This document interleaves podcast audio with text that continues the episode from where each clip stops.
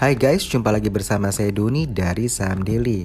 Di podcast episode ke-114 ini kita akan membahas mengenai perusahaan gas negara ya dengan kode sahamnya PGAS atau biasa kita sebut Pegas begitu saja. Kenapa saham Pegas ini menjadi uh, topik kita di episode ini karena uh, kita melihat bahwa penurunan harga sahamnya ya untuk uh, satu tahun terakhir ini sudah turun 43% ya dari harga 2.650 ke 1.500-an. Biasanya harga saham Pegas ini tektok ya di kisaran harga 2200 ke 1800 ke 2200 lagi. Tapi begitu dia menembus di bawah 1800-an hingga menyentuh level 1500-an sempat di 1495 ini tidak sedikit kita melihat bahwa panik uh, yang ada di kalangan investor maupun trader ya terkait penurunan harga saham dari Pegas ini. Sebenarnya penurunan harga saham Pegas ini merupakan sentimen negatif ya dari pasar terkait oleh keinginan pemerintah untuk merealisasikan penurunan harga gas industri yang dikhawatirkan kebijakan ini bisa berdampak negatif terhadap kinerja keuangan dari perusahaan gas negara ini. Pemerintah berencana menurunkan harga gas industri ini ke 6 dolar per MMBTU. Saat ini harga gas industri itu masih berkisaran di 7,7 hingga 10 dolar US uh, US dollar per MMBTU ya. Jadi tergantung sektor industri pemakainya.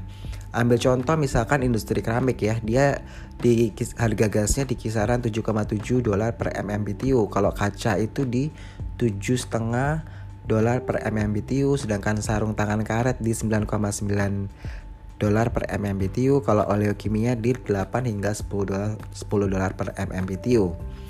Kalau rencana yang kita dengar sih sektor baja, petro dan pupuk ya.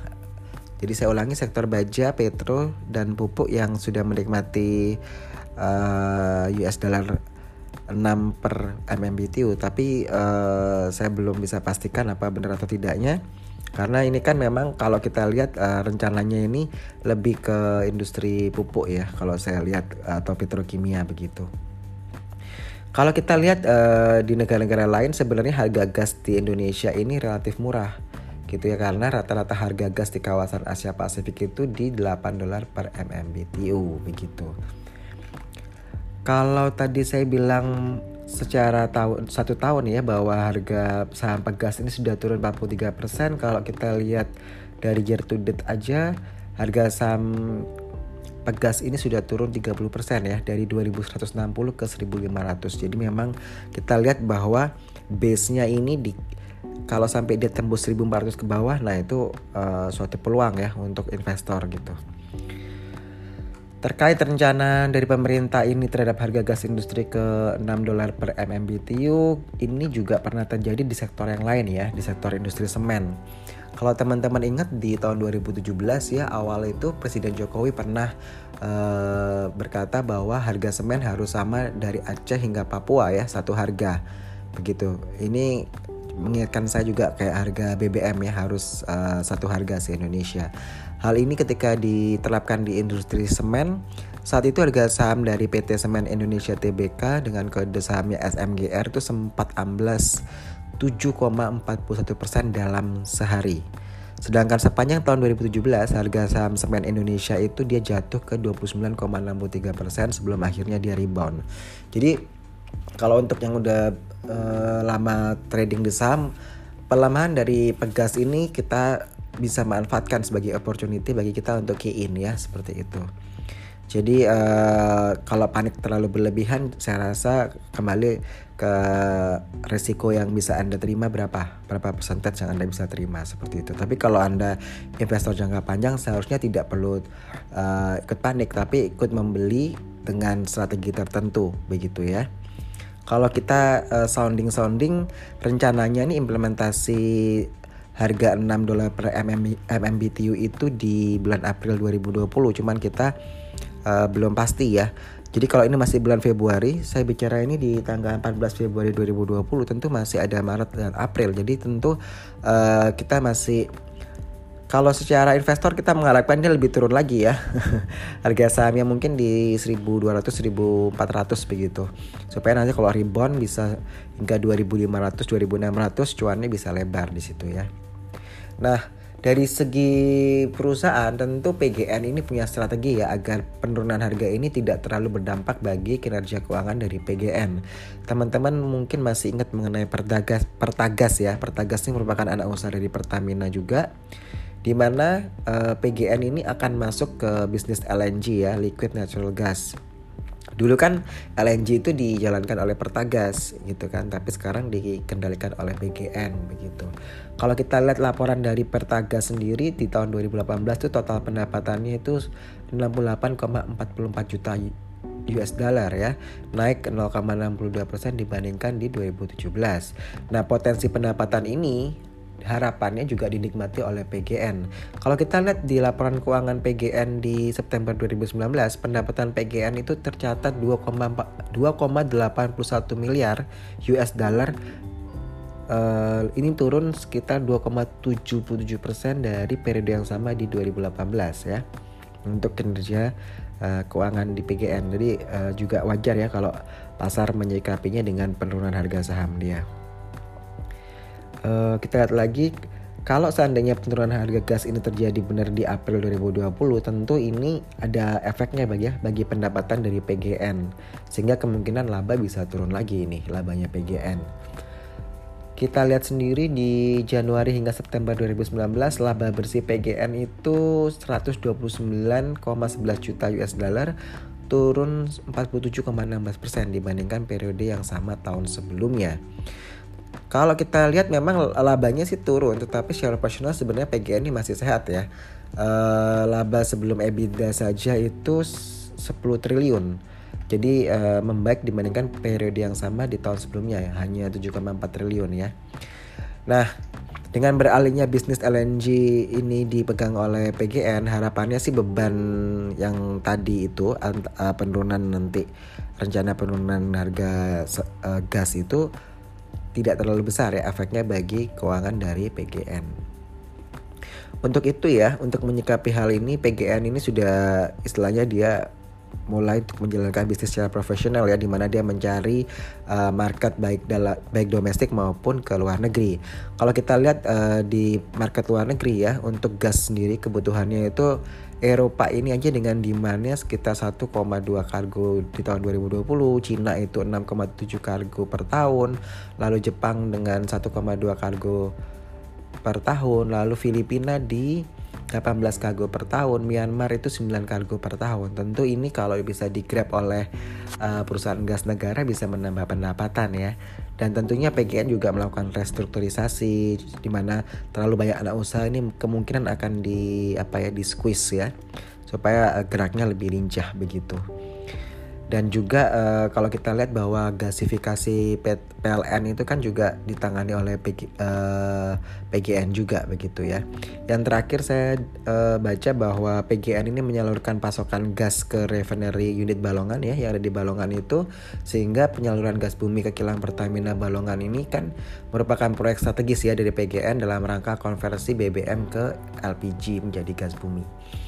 Uh, sorry uh, konversi dari BBM sama LPG menjadi gas bumi. Jadi ini tentu uh, bisa menambah pendapatan dari PGN ya. Jadi di plus minus lah kita bisa lihat nanti. Kembali ke harga terendah kita lihat dari data kita harga terendah 5 tahun terakhir sampai gas ini di level 1400 ya. Dan saat saya bicara ini di 14 Februari dia di kisaran 1500 tentu ini bisa menjadi pertimbangan ya bagi investor maupun trader untuk key di harga berapa dengan mempertimbangkan time span-nya kapan implementasi harga gas industri ke US dollar 6 per MMBTU ini terlaksana.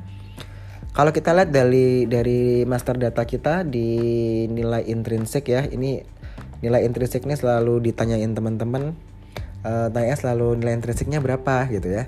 Uh, nilai intrinsik average-nya value Pegas ini di 2205 sedangkan harga penutupan saham Pegas kemarin sore tanggal 13 Februari 2020 itu di 1505 ya.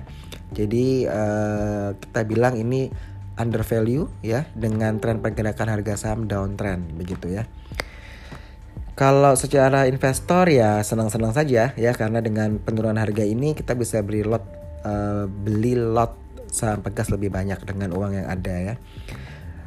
Uh, consider bahwa dia uh, eh, PGN ini rutin membagikan dividen ya. Di tahun 2015 dia membagikan dividen 144,84 rupiah per lembar saham. Di 2016 dia bagi 91,32 rupiah per lembar saham 2017 dia bagi dividen 75,18 rupiah per lembar saham. 2018 dia 31,61 rupiah per lembar saham. Di 2019 dia naik ya ke 56,99 rupiah per lembar saham. Dividen dividen payout ratio dia di 44,58% persen di 2016 di 2017 dia di 39,48% persen di 2018 dia di 31,28%. Memang DPR-nya dia semakin uh, menurun ya di sini. Untuk pernya sendiri dia di 14,93 kali, ROE di 5,20%, DER di 1,22 Uh, kalau kepemilikan sahamnya saham Pegas ini dimiliki 56,96% oleh Pertamina Persero, sedangkan pabrik sendiri memiliki 43,03%. Jadi ini mengenai Pegas ini ya bisa menjadi pertimbangan buat investor maupun trader bahwa tidak usah terlalu panik menurut saya. Karena uh, pemerintah pasti punya pertimbangan ya mengapa harga gas ini harus diturunkan ke level 6 dolar per MMBTU karena pemerintah ingin bahwa industri yang lain itu berkembang gitu. Karena kesulitan untuk membeli harga saham uh, sorry membeli harga gas industri di level harga di atas 6 MMBTU begitu.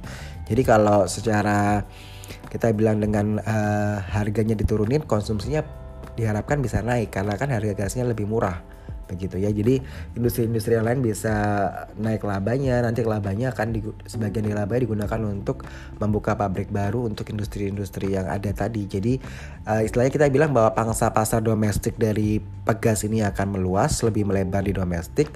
Begitupun juga pegas juga uh, dengan rencananya dia yang untuk ekspor itu kalau semua ter, terlaksana dengan baik saya yakin bahwa mungkin 3-5 tahun ke depan uh, Pegas ini kinerja keuangannya akan lebih membaik lagi. Dia tidak rugi loh ya, dia tetap laba, cuman mungkin labanya menurun. Tetapi kalau uh, awal-awal nanti peng, peng, pengimplementasian dari penurunan harga gas tadi, tetapi setelah itu dia akan rebound gitu loh. Kinerja keuangannya akan membaik di situ. Jadi ketika anda sudah harga beli harga rendah, ketika kinerjanya bagus dia naik ya anda tinggal nikmatin selisihnya itu kan uh, cuannya di situ. Jadi memang uh, kita nggak bicara pegas ini untuk jangka pendek ya gitu. Karena energi ini kita lebih panjang uh, time span-nya di situ. Jadi buat teman-teman yang kemarin panik yang uh, DM kita itu di Instagram saham daily sekitar 3 ribuan lebih ya. Saya sampai scroll scroll gitu adminnya juga teler. Kalau bahas uh, membalas satu-satu kayaknya nggak semua dibalas ya yang DM di Instagram saham daily. Mohon dimengerti. Tapi semoga dengan uh, kita sharing di podcast ini bisa bermanfaat bagi teman-teman.